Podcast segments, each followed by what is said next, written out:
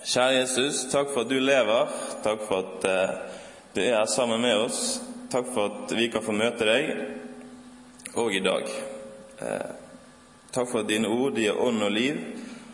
Takk for at du vil si oss noe. Og så er det så ofte, i hvert fall jeg sitter på møte og hører ditt ord, så ja, går det rett ut igjen.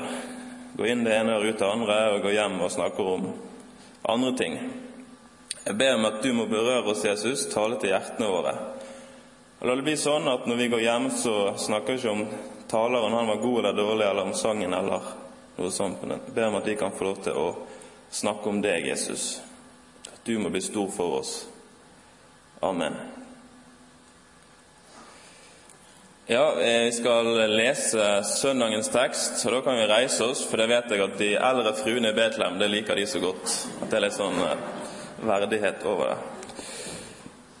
Det er fra Johannes evangeliet, kapittel 1, vers 19-27.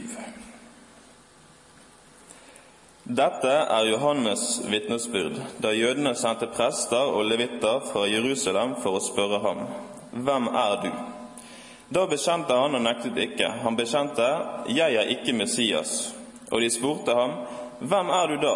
Er du Elias? Og han sier, Det er jeg ikke. Er du profeten? Og han svarte, Nei. Da sa de til ham, Hvem er du, så vi kan gi dem svar som har sendt oss? Hva sier du om deg selv?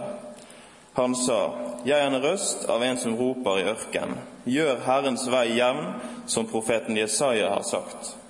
De som var utsendt, var fariseere, og de spurte ham og sa til ham, Hvorfor døper du da når du ikke er Messias, og heller ikke Elias eller profeten? Johannes svarte dem, Jeg døper med vann, men midt iblant dere står den dere ikke kjenner, han som kommer etter meg, han som jeg ikke er verdig til å løse skoremmen for. Amen.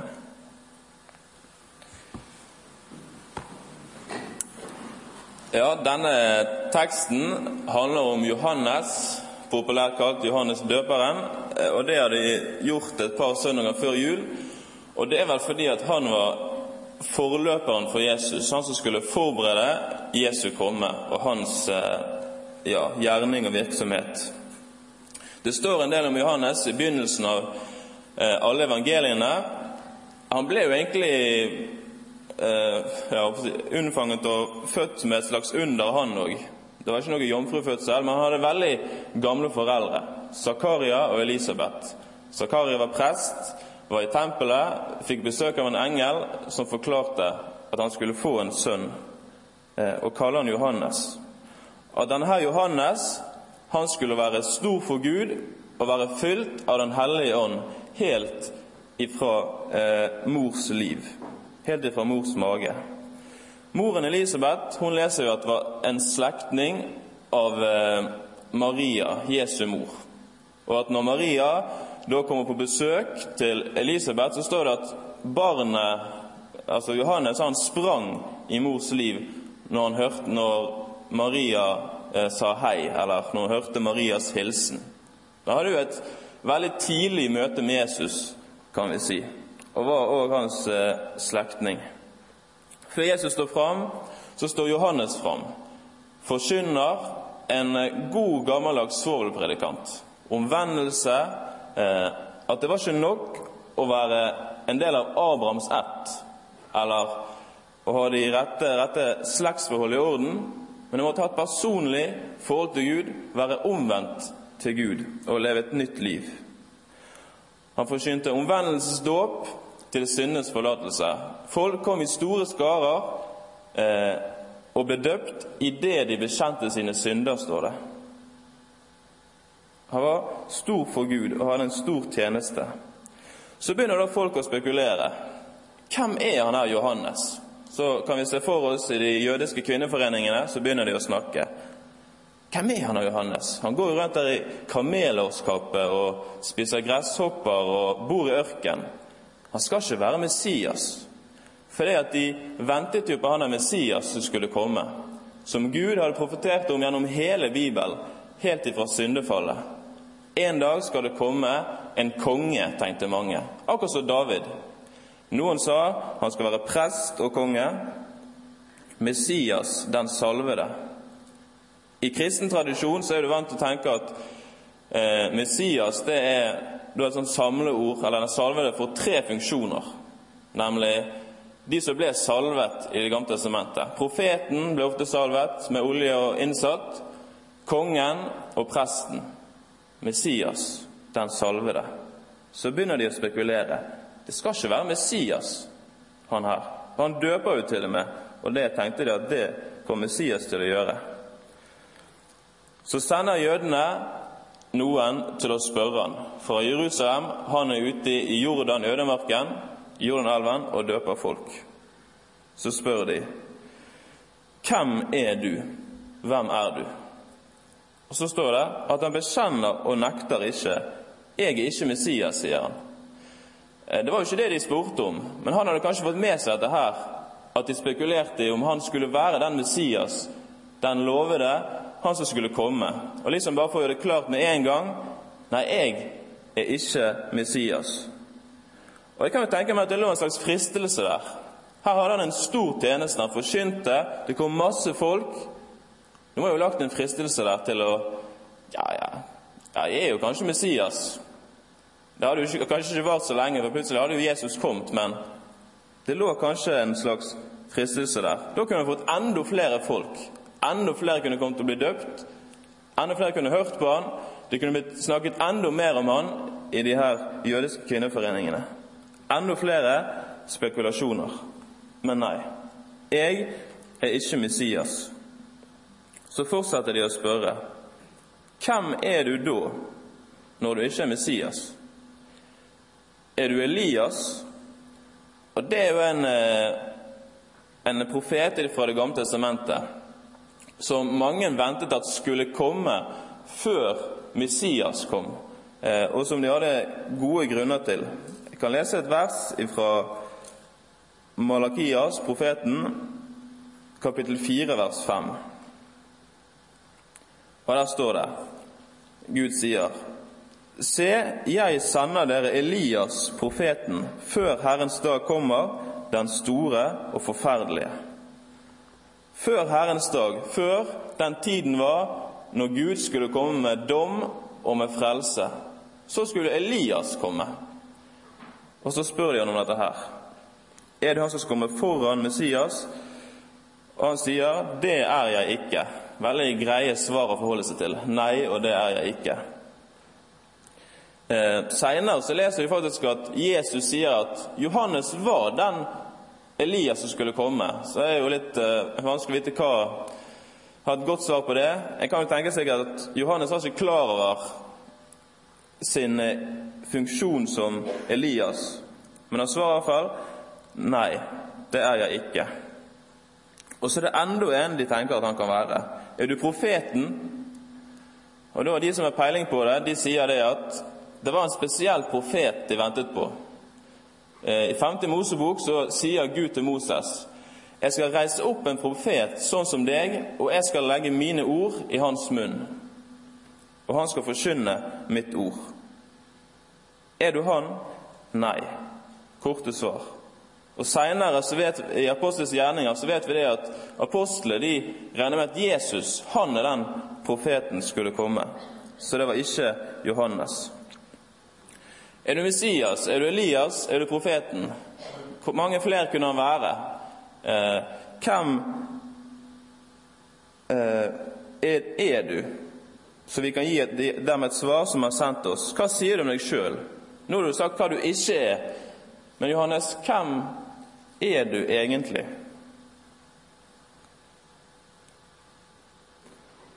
Jeg er en røst av en som roper i ørken, gjør Herrens vei jevn, som profeten Jesaja har sagt. Jeg er en røst. Jeg er en stemme av en som roper. For det første er jo dette et sitat fra Det gamle testamentet, fra Jesaja 40 står det her i henvisningene.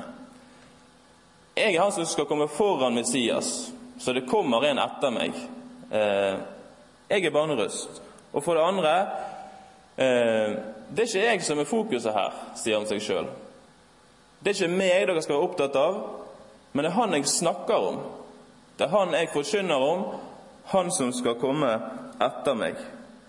For de spør jo videre i vers 25.: Hvorfor døper du da når du ikke er Messias, og heller ikke Elias eller profeten?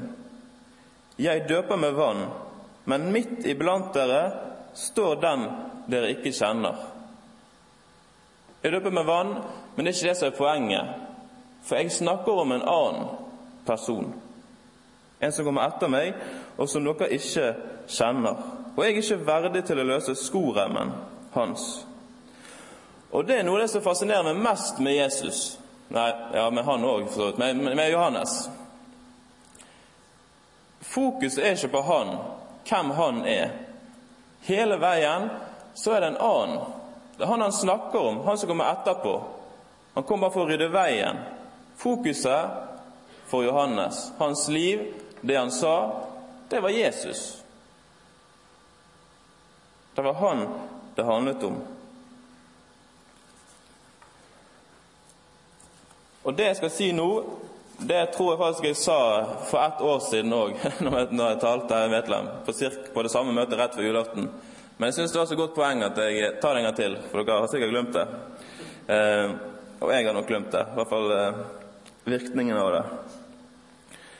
Johannes var jo grådig populær på en måte. Eh, masse folk som hørte på han. Herodes, han, Kong Herodes respekterte han. Eh, snakket om han. Han var liksom en som samlet mange folk. Han hadde disipler, tilhengere, etterfølgere. Mange ble omvendt eller frelst pga. hans sin tjeneste. En stor tjeneste for Gud. Men så det som er litt, eller veldig interessant, eh, det er at fra den dagen Jesus står fram, så går det rett nedover med Johannes. Jesus står fram, da begynner nedturen, som faktisk ender med at han blir fengslet eh, og blir halshugd. Jesus kommer, Johannes dør. Jesus blir stor, Johannes blir liten. Og så snakker ikke det mer om han, for nå er det Jesus det handler om. Eh, I Johannes 1, 35-37 så kan vi lese om at Jesus vitner. Eh, dagen etter sto Johannes der igjen, og to av hans disipler. Da han fikk se Jesus som kom gående, sa han, Se der, Guds lam. De to disiplene hørte det han sa, og de fulgte etter Jesus. Tenk det, her har han jobbet så lenge med å få noen tilhengere, og så snakker han om Jesus, og så stikker de fra han. Det må være litt kjipt. Tenk at de følger Jesus istedenfor han, som har sikkert brukt så mye tid på de her to disiplene. I Johannes 3, vers 26-29 så står det noe om det samme. Eh, det er litt sånn krangling om dåp, og det er jo ikke noe nytt. Og de kom til Johannes og sa til ham, Rabbi, han som var hos deg på den andre siden av Jordan, han som du vitnet om, se, han døper, og alle kommer til ham. Johannes svarte og sa, Et menneske kan ikke få noe om det ikke blir gitt ham fra himmelen. Dere er selv mine vitner at jeg sa, Jeg er ikke Messias, men jeg er utsendt foran ham. Den som er bruden, han er brudgommen. Men brudgommens venn, som står og hører på ham, er full av glede over å høre brudgommens røst. Denne min glede er nå blitt fullkommen. Johannes døpte i Jordan kom masse folk, til og med prester og fariseere og levitter fra Jerusalem, det religiøse lederskapet. Men så kommer Jesus, og så døper han òg, eller i hvert fall disiplene hans. Og så kommer alle til han. Johannes, Jesus døper, og alle går fra deg til han. Hva vil du gjøre med det? Du mister jo tilhengere. Du blir jo liten, du er ubetydelig i forhold til, i forhold til Jesus. Så sier han, denne min glede er nå blitt fullkommen. Han mister alt, men det er det mest fantastiske han kunne oppleve. Han blir liten. Livet går rett vest. De hører ikke mer om Johannes. Men det er jo fantastisk, tenker han. Min glede er fullkommen. Hvorfor det? Fordi at Jesus har blitt stor. Fordi han får ære. Fordi folk snakker om Jesus. Folk bryr seg om han. Folk følger etter han. Og de glemmer Johannes. Han skal vokse, og jeg skal avta, sier han. Jeg husker jeg gikk på bibelskole på Billøy. Da hadde vi en time. Der hadde vi om eh, en person som læreren kalte for eh, Jeg Geiesen fra Geibostad. Eller Meg Meiesen fra Meibostad. Jeg vet ikke om du har hørt om han. Eh, også kalt Andreas Evensen ofte. Meg Meiesen fra Meibostad. En person der alt handler om meg sjøl om eh, mitt potensial, mine gaver som jeg har skaffet meg.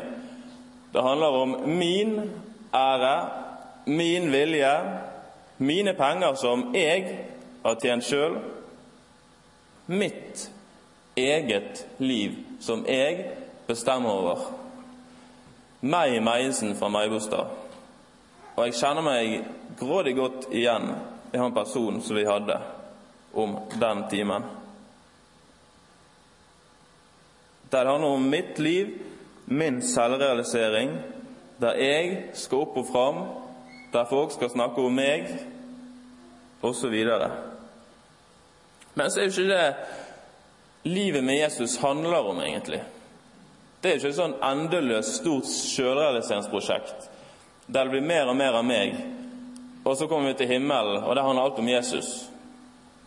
Det er jo ikke sånn at jeg lever livet her på jorden for meg sjøl, men i himmelen, da blir jeg glad i Jesus. Da takker jeg Han. Eh, da er jeg opptatt av Han. Da får Han være i sentrum. Men her på jorden, nei, her er det meg det handler om. Det er jo ikke sånn det fungerer. Det er ikke sånn ventetilstand vi er i nå. Er det det? Der vi skal realisere våre egne drømmer, vår egen vilje, vår egen ære. Og så plutselig, når vi kommer til himmelen, ja, da er det Jesus som er sentrum. Det er jo ulogisk. For det må jo ha skjedd noe før. Vi må jo ha blitt litt glad i Jesus her. Han må jo ha fått være litt sentrum her òg. Og det må jo være hans vilje som har fått lov til å gjøre et eller annet her på jorden for at vi skal komme til himmelen. Jeg er en røst av en som roper. Fokus på Jesus. Han skal vokse, og jeg skal avta, sier Johannes. Det handler om Jesus. Og hva er konsekvensen for oss? Skal vi gå ned på nærmeste butikk og kjøpe oss kamelårskappe og gresshopper og bli Saul-predikant hele gjengen? Det, noen kan jo bli det. Eh, Det blir fort noen sånne voldsomme åndelige greier. Sant? Nå skal vi nå skal jeg liksom hjem, nå skal vi alt bli helt forandret, og nå må vi liksom bli superåndelige hele gjengen og slutte å jobbe og på skole og ja leve helt for Jesus, på en måte. Hvis vi leser Bibelen, eh, og det håper vi gjør, så ser vi det at de formaningene for vårt liv som kristne, de handler om helt sånne vanlige ting drev og leste i, eh, jobbet litt med første Peters brev, så leste jeg om formaningene der. Det handlet om eh, mann og kvinne. Hvordan skal vi leve sammen? Og hvordan skal Jesus få plass i ekteskapet, i familieliv? Det handlet om hvordan skal jeg møte lidelser i livet på en god måte, sånn som Jesus ville gjort det. Hvordan skal jeg være en god tjener for min Herre? Eh, og nå blir det kanskje en god arbeidstaker for mine arbeidsgivere.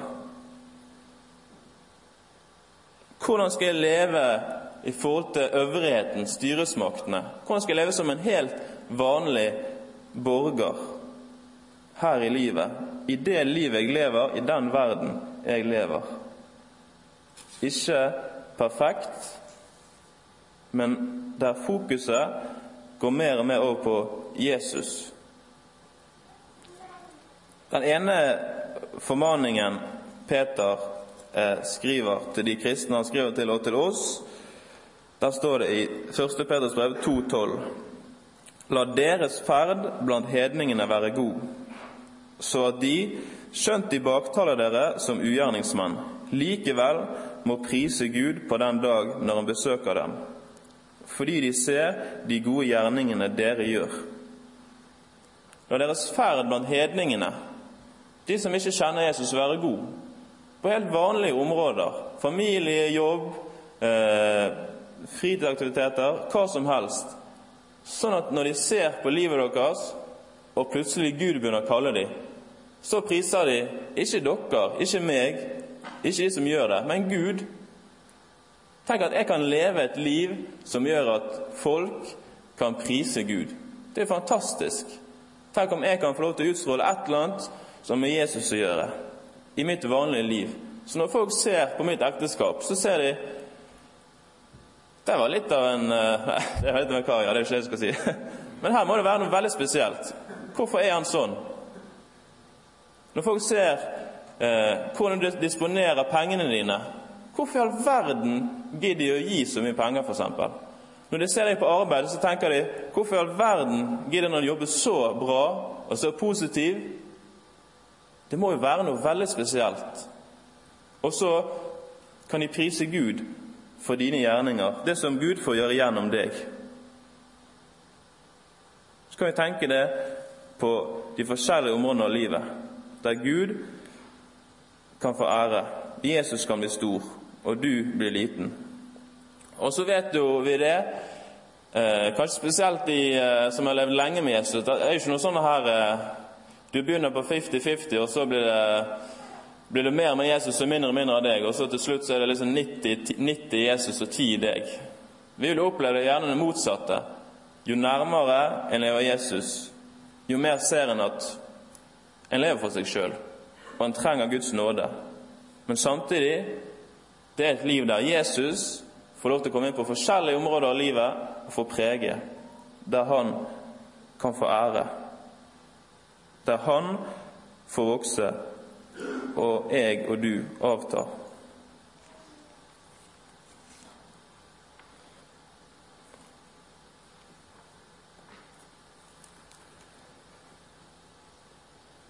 Jeg døper med vann, men midt iblant dere står den dere ikke kjenner, han som kommer etter meg, han som jeg ikke er verdig til å løse skoremmen for. Jeg er ikke verdig. Hva er det med Johannes? Har han dårlig selvtillit? Er det det? Det skal vi kanskje ikke tulle med, for det har vi nok kjent på alle sammen. Har han sånn mindreverdighetskompleks? Mangler han frelsesvisshet siden han sier at han ikke er verdig? Det strider jo gjerne litt om hvordan vi tenker om oss sjøl. Jeg er ikke verdig. Ute i eh, Hilleren, der eh, jeg jobber, der har vi noen konfirmanter fra Loddefjord menighet som vi har undervisning for. Meg og Fredrik Brunstad, for de som kjenner han. Og da var det Forrige sånn undervisning da snakket eh, vi om forsoningen. At Jesus kom, eh, gikk inn i vår plass, tok eh, den straffen vi skulle hatt. Og Så spurte Fredrik da etterpå hva de syns om det de har hørt nå. Var det noe nytt for dem, eller noe sånt? Så var det en som sa Ja, var jo han virket jo litt streng. Det var en litt sånn streng side av Gud, at han straffer vred og osv. For Gud han skal jo være litt sånn snill og gavmild. Skal ikke han det? Og Det var litt herlig, for det var en annen kar som sa ja, men poenget er jo at eh, Jesus, det var jo Jesus som tok straffen, sånn at når vi tror på Han, da går vi fri. Så han hadde jo skjønt det, at Jesus hadde gått mellom. Men skal ikke Gud være litt sånn snill og gammel? Jesus kan fort bli en litt sånn bestekompis, og Gud en bestefar. Og Jesus er jo vår venn, og Gud er vår far. Samtidig så er han hellig og rettferdig. Og jeg og du er ikke verdig. Jeg vet ikke hva du tenker om eh, Jesus som din frelser. Bør han frelse deg? Burde han, gjøre det? Kunne du forvente at han gjorde det? Var det noe i deg som tilsier at selvfølgelig Selvsagt bør jo Jesus komme og frelse meg. Han burde jo ikke det. Si det som Torgeir Skrunes sier, du er verre enn du tror. Du er ikke verdig. Men det som er vår redning, det er jo ikke at vi er verdig, eller at Gud bør frelse, men det er jo at han vil det. Det er jo det som er det store. At Jesus ville komme og frelse meg når jeg ikke var verdig, og deg. At han hadde lyst til det, at han ønsket det. At det var det som han mest av alt ville. Det var å frelse de som ikke er verdig. Det jo min store redning. Hvis han burde det, hvis det var noe i meg som han burde komme og frelse, da hadde jeg aldri blitt frelst. Men så ville Jesus frelse meg. Men så er jeg ikke verdig i meg sjøl. Hva tenker du om tjenesten du gjør for Gud, da? Burde ikke han bruke deg litt? Du har jo noen fine egenskaper og gaver og litt sånn. Det er jo et eller annet han kan vel bruke noe av det som er i deg, og det kan han nok òg. Men samtidig så er ikke meg og deg verdig. Og det at vi får lov til å tjene Han, det er noe vi får lov til.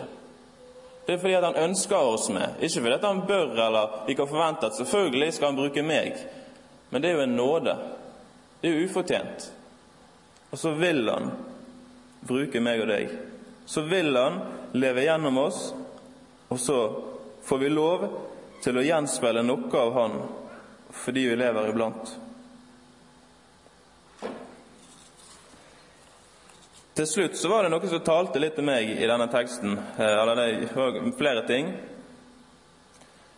Men han sier jo til disse jødene, Johannes, Jeg døper dere med vann, men midt iblant dere står den dere ikke kjenner. Midt iblant dere står den dere ikke kjenner. Sånn jødene gikk jo midt iblant, eller Jesus var midt iblant jødene i tre år. holdt han på der og de tok ikke imot ham. Så tenker jeg hvor er Jesus? Eh, hvem er han midt iblant nå? Jo, han er jo her når de kristne samles til møte. Der to eller tre er samlet i hans navn, der er han midt iblant dem. Men så er det kanskje noen som er her, så dette gjelder for. Midt iblant dere står det en du ikke kjenner. Kanskje er det sånn til noen som ikke kjenner Jesus. Og det er alvorlig, for han sier jo sjøl at dette er det evige liv, at de kjenner deg, den eneste sanne Gud, og Han du utsendte, Jesus Kristus. Det å kjenne Jesus, det handler jo om et evig liv, eller en evig død. Så er det kanskje noen som opplever om seg sjøl jeg er ikke verdig, på en sånn måte at nei, jeg fortjener ikke å ta imot Guds nåde. Jeg er ikke verdig til å bli frelst i det hele tatt. Hvordan kan Jesus ville ha med meg å gjøre? Og det er jo helt sant. Du er jo ikke verdig, og du fortjener det ikke. Men det er jo derfor du kan bli frelst. For det er jo for de som ikke er verdig, for de som ikke fortjener det, at Jesus kan frelse. Det er jo nettopp for deg han kom. Det er jo nåde, det er gratis.